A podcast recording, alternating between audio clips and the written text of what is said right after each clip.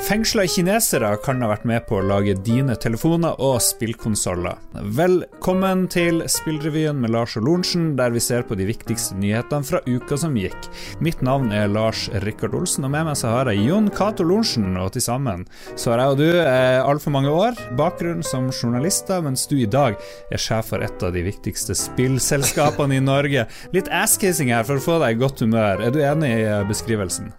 Ja, ikke ett av. Jeg vet ikke om ett av stemmer. Kanskje det viktigste. Det viktigste? Oi, oi, oi. Ja, et, av, et av mange små spillselskaper i Norge som eh, strever og sliter for å eh, vokse seg store. Vi går rett på nyhetene, eh, og det skjedde en del denne uka. Her Spillkonsollene blir laga av kinesiske straffanger. Vi kan i hvert fall ikke utelukke det, for The Australian Strategy Policy Institute har kartlagt bevegelsene til uigurfanger som blir tvunget til å jobbe i kinesiske fabrikker. I Norge som melder Pressfire det her. Uigurene består i stor grad av kinesiske muslimer og har de siste årene blitt arrestert i stort omfang av myndighetene og sendt i fangeleirer på det som høres flott ut som omskolering, men er vel ganske mye kjipere enn det. Fangene skal ifølge rapporten ha blitt tvunget til å jobbe for fabrikker som blant annet produserer produserer for Sony, Nintendo, Microsoft og Apple. Og jeg og du, Jon Cato, vi er jo sånn Apple-mennesker. Får du en litt sånn dårlig smak i munnen når du hører om det her? Uh, ja, man gjør jo det. Altså, man føler jo altså, Man føler jo veldig Man er veldig glad i de produktene sine, og så tenker man kanskje ikke så mye på hvordan de faktisk har blitt laga. Hmm. Ja. Det er mange som har dekket denne saken i utlandet, så har Washington Post besøkt en Nike-fabrikk der uigurer har jobba, og de sa at det så ut som et fengsel. Det er gjerder med piggtråd osv. rundt omkring, og det er jo ikke det vi forbinder med HMS her i Norge. Nei, det ser jo helt forferdelig ut. Men det er som eh, bedriftsleder sjøl, og du, jo, du, er jo også med i nystarta bedrift, så tenker jeg at det er jo også selskapene som må ta ansvar her. Eh, vi som forbrukere bør jo selvfølgelig protestere og si ifra, vi òg bruker kjøpekrafta vår. Men det er jo baksida av den kapitalistiske medaljen, det her at du skal konkurrere på pris, og da ender du opp med å har du dårlige moralske skrupler, så utnytter du arbeidskraft i litt uh, dårligere stilt land. Ja. For å få vite litt mer om det her, så tok vi kontakt med Den norske uigurkommisjonen for å høre deres kommentarer og råd til hva vi som gamere kan gjøre for å hjelpe denne folkegruppen. Hei, jeg heter Adlian Abdrim, sekretær for Den norske uigurkomiteen. Uigurene er et tyrkisktalende folkeslag i Øst-Turkistan. Vi ble okkupert av Kina i 1949. Den grove undertrykkelsen av uigurene det siste året har gradvis vekket oppsikt hos mange i Vesten, selv om denne undertrykkelsen har alltid vært bestandig mot uigurene. Opp til én eller tre millioner uigurer har blitt fengslet eller satt i de såkalte omskoleringsleirene, som vi kaller for konsentrasjonsleirene. I snitt kan vi si at en i ti uigurer har blitt internert.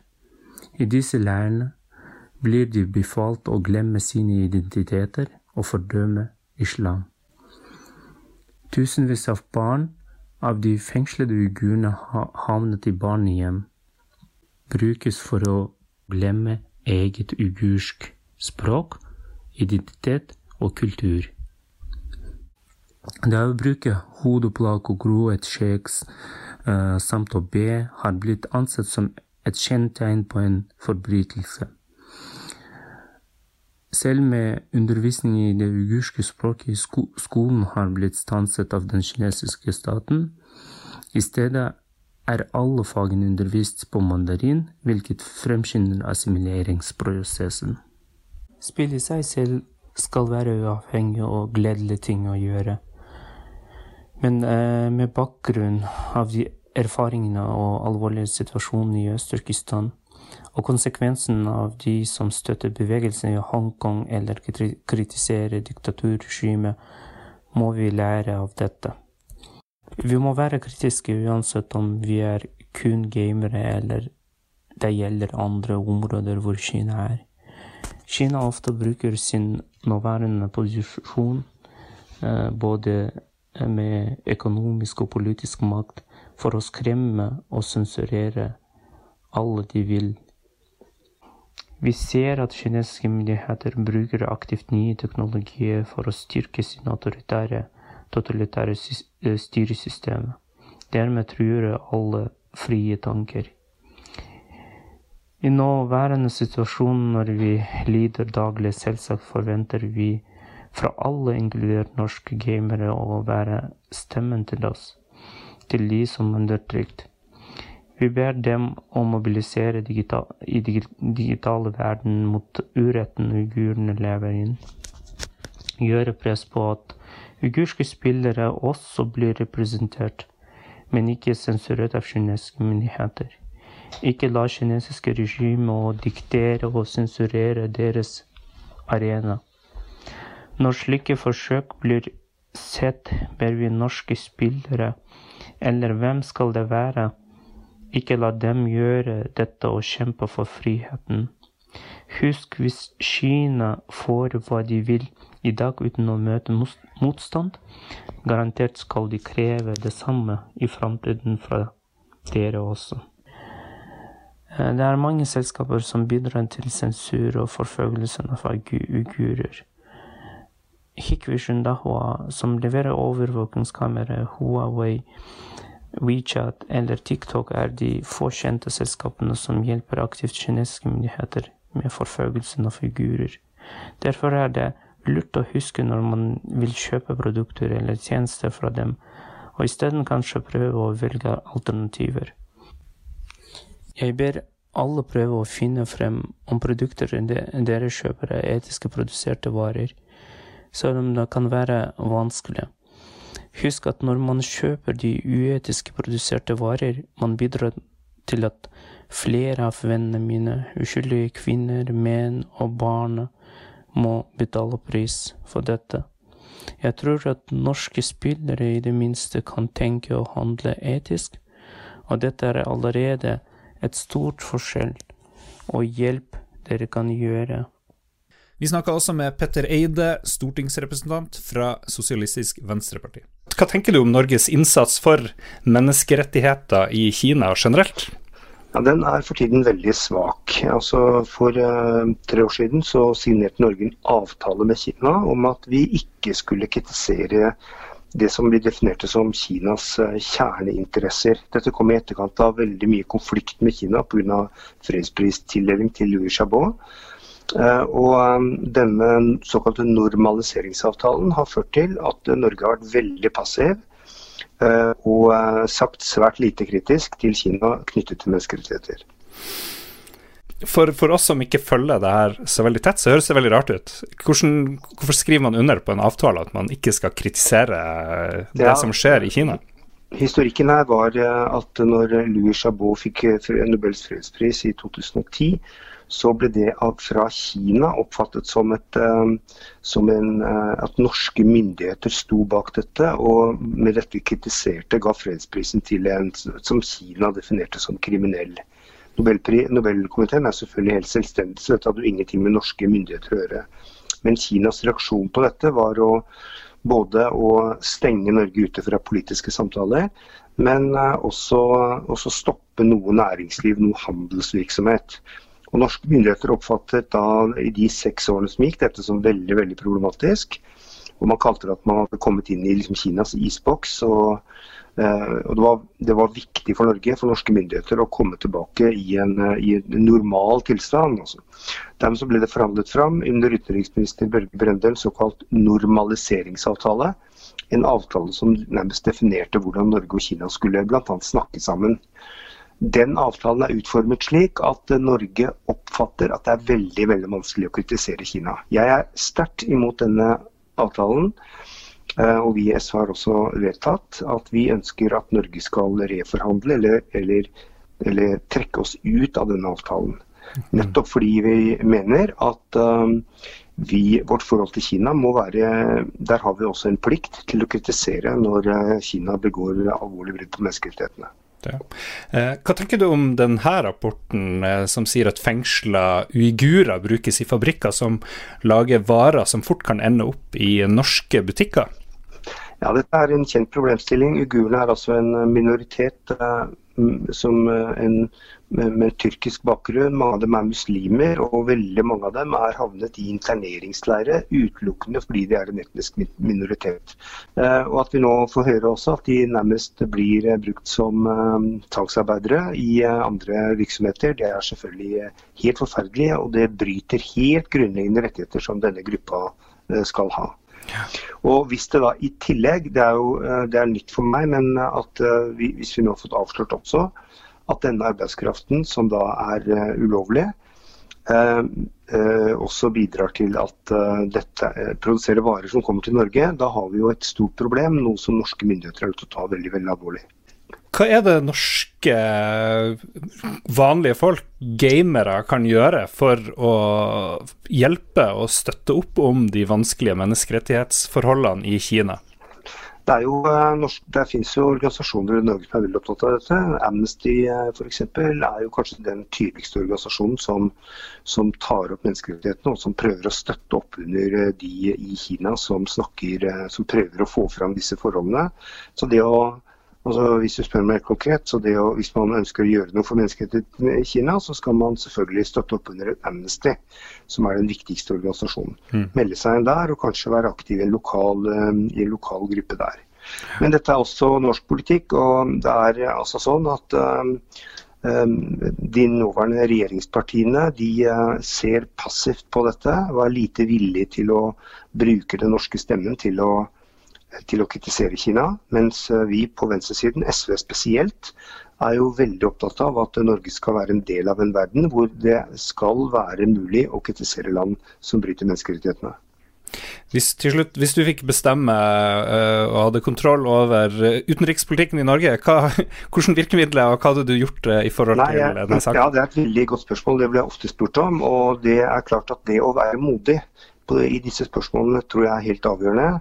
Og jeg tror også Kina uh, har respekt for uh, statsledere som er modige, og som tør og på en måte er prinsippfaste, og som står på de riktige tingene.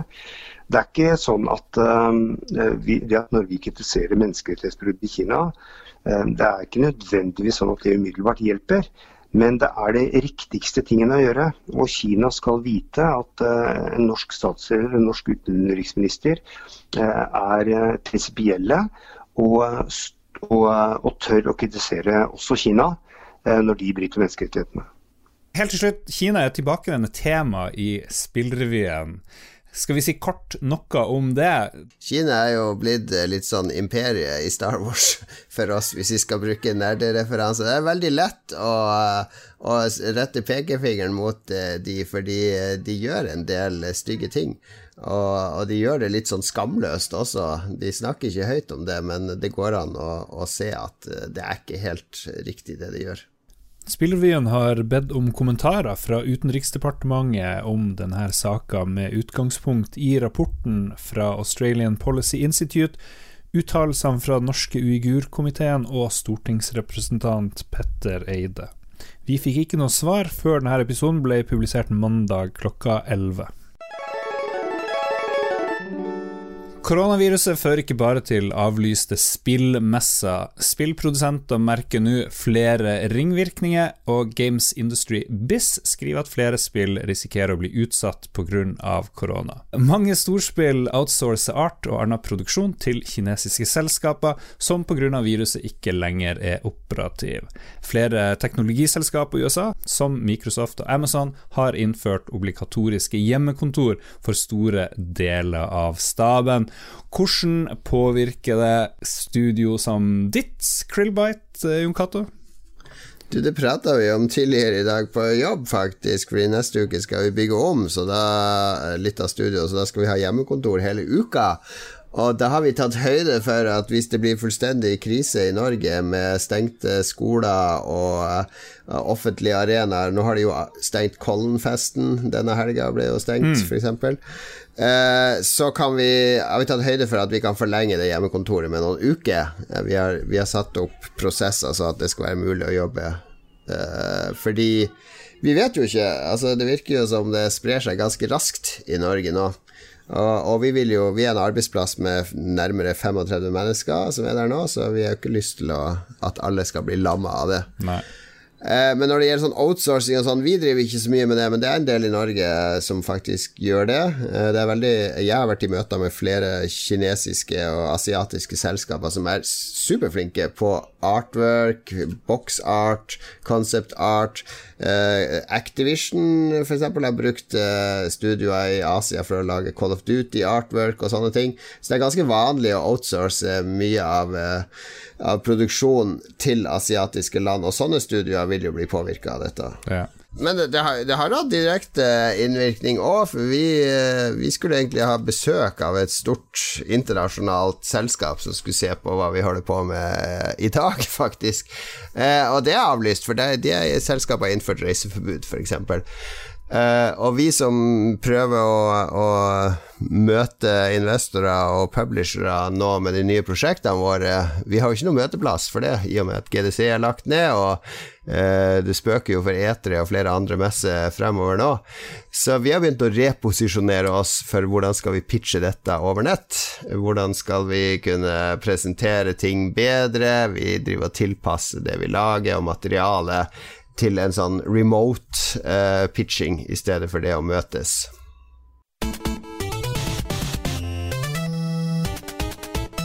Sony fortalte torsdag at de samarbeider med HBO om å lage TV-serie av The Last of Us-spillene. Neil Druckman, som var regissør for spillserien, er blant dem som skriver manus, mens Tsjernobyl-skaper Craig Mazin, som vi har snakka om for ikke så lenge siden, han skal skrive manus og er med som produsent.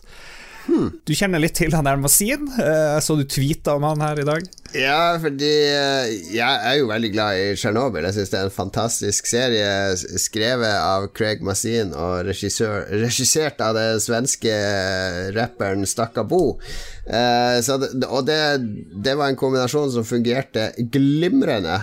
En veldig presis og kompakt og fokusert eh, serie som er veldig mørk og virker veldig realistisk.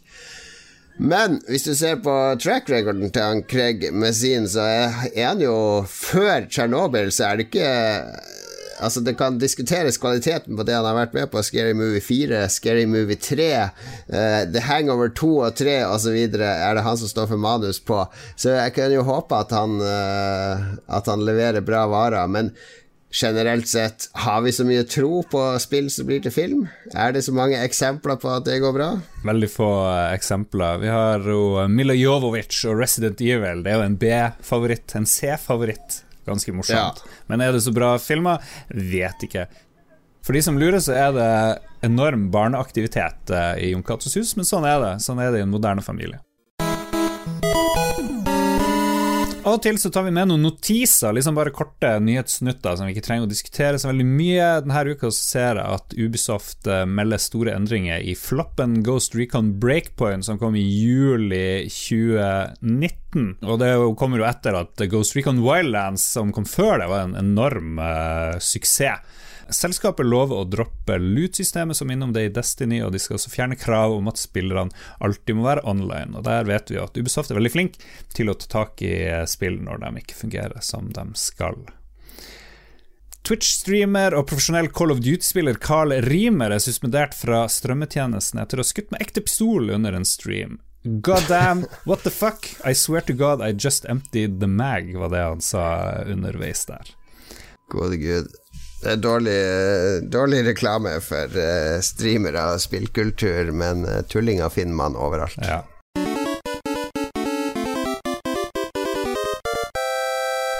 Til slutt så ser vi på ukens spillslipp, og der var det en del vi fant interessant uh, denne uka, Jon Cato. Ja, nå nærmer det seg slutten på eh, finansåret. Finansårene eh, av en eller annen grunn skal, skal, absolutt avslutte i mars. Og da handler det om å få ut spill og få opp eh, aksjeverdien før eh, året skal oppsummeres. Et av spillene som kom i uka som gikk, det var Murder by Numbers. Ace Attorney-serien skal det minne litt om, og de som har lagd det, de står bak eh, Hatoful Boyfriend, og det har fått kjempemottakelse mm. allerede. God anmeldelse i Eurogamer, så jeg. Så sånne visual novel eh, med litt mer interaksjon enn det, det sjangeren vanligvis har, det syns jeg er kjempegøy. Og så har jo uh, Castlevania Shadow of the Night, uh, det gamle, klassiske PlayStation 1 uh, spillet i Castlevania-serien, som var gigasvært og med en fantastisk uh, grafikkoppgradering fra de tidligere spillene på Super Nintendo, mm. dukka opp til Android og IOS. Yes, det jeg lurer på Det blir vel tredje-fjerde gang jeg skal kjøpe det spillet, men jeg tror ikke jeg gidder. Men de som ikke har prøvd det, Symphony of the Night faktisk heter uh, må prøve det til Android eller mobil. Og så vet jeg at du har Eller jeg har jo òg spilt Division 2, Warlord, Warlords of New York, en ny ekspansjon. Ja, det det er jo Division 2 utvikla av svenske Massive Entertainment, som er litt, kanskje litt sånn smakløst uh, akkurat i disse dager, spesielt. Uh, uh, USA har kollapsa pga. et virus ja, ja. som har slått ut store deler av befolkninga, og nå er det gjenger som herjer, og du er da en, en agent for myndighetene som jobber for de, og har da tillatelse til å skyte ned tusenvis av desperate gjengmedlemmer medlemmer som er ute etter ressurser. Mm. Eh, veldig smakløs setting, teknisk veldig fengende spill, og veldig gøy å spille sammen med andre. Og Den store utvidelsen som er kommet, er jo Warlords of New York, som da tar spillerne vekk fra Washington og tilbake til New York, som jo var åsted for handlinga i det første spillet. Mm. Anbefales. Jeg liker det veldig godt så langt. Og så ser du at Black Mesa Jeg trodde det var et dritgammelt spill, men nå er det tilbake, faktisk. Mm, det, Black Mesa er jo en remake av det opprinnelige Half-Life-spillet, som eh, liksom er et av topp fem eh, PC-spill noen gang. Og Half-Life 1 ser jo ikke ut i dag, eh, var laga på 90-tallet. Eh, så Black Mesa-prosjektet ble vel påbegynt allerede i 2005, som en slags sånn fan-oppussing, remake, oppgradering oppgradering av det opprinnelige Half-Life. Tatt mange år, vært gjennom mange iterasjoner, og nå er det faktisk lansert. Og jeg så at uh, Eurogamer.net faktisk ga det ratinga Essential, som, som, er den aller høyeste utmerkelsen det kan få der. Det siste vi skal nevne, er at uh, denne uka kom Final Fantasy 7 remake-demo til uh, PlayStation 4. Og det skal vi snakke masse om i Lolbua, som kommer på onsdag. Og der har vi en av Norges fremste på Final Fantasy 7, nemlig Philip Maurizio Fløgstad, eh, som skal fortelle alt om det. Jeg har sjelden sett så mange mennesker ytre så mye om eh, en spilldemo på, i sosiale medier. Det har virkelig vekka følelsen hos en million folk som er over 30 år, som har sittet og grått foran eh, skjermen når de har spilt denne demoen tre, fire, fem ja. ganger. Vet du hva, Jeg satte den i gang like før vi begynte det opptaket her, og jeg kjente at nakkehårene røyste seg på ryggen da musikken kom, og du ser der toget, og hovedpersonen dukker opp for første gang. Det er litt som, litt som da du så de første oppfølgerne til Star Wars kom, så er det sånn Oi, mm. shit, nå er det her dritbra. Men om det liksom blir uh, en opptur, eller om det blir sånn som det blir med de her nye Star Wars-filmene, det, det, vet jeg ikke. Håper det blir bra. De nye Star Wars-filmene er nå i det minste nye, da. Men det jeg lurer på, er Folk ser ikke ut til å juble spesielt høyt for remakes av Aladdin og Lion King og sånne mm. ting. Det blir liksom fnyst av. Mens Final Fantasy 7, da er folk helt i ekstase. Så det er en interessant observasjon at uh, at uh, ting fra barndommen som blir remade, det er uh, både negativt når det er film, og så er det plutselig positivt når det er spill.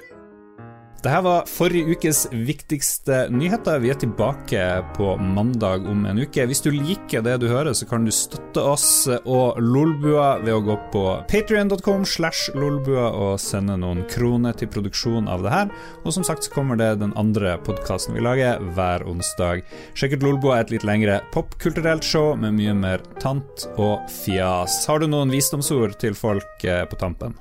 Nei, eh, hold deg trygg. Host i albuen, eller på albuen, eller mm. hva nå instruksene er, og uh, ikke få panikk. Ikke få panikk. Gode råd. Ha det bra.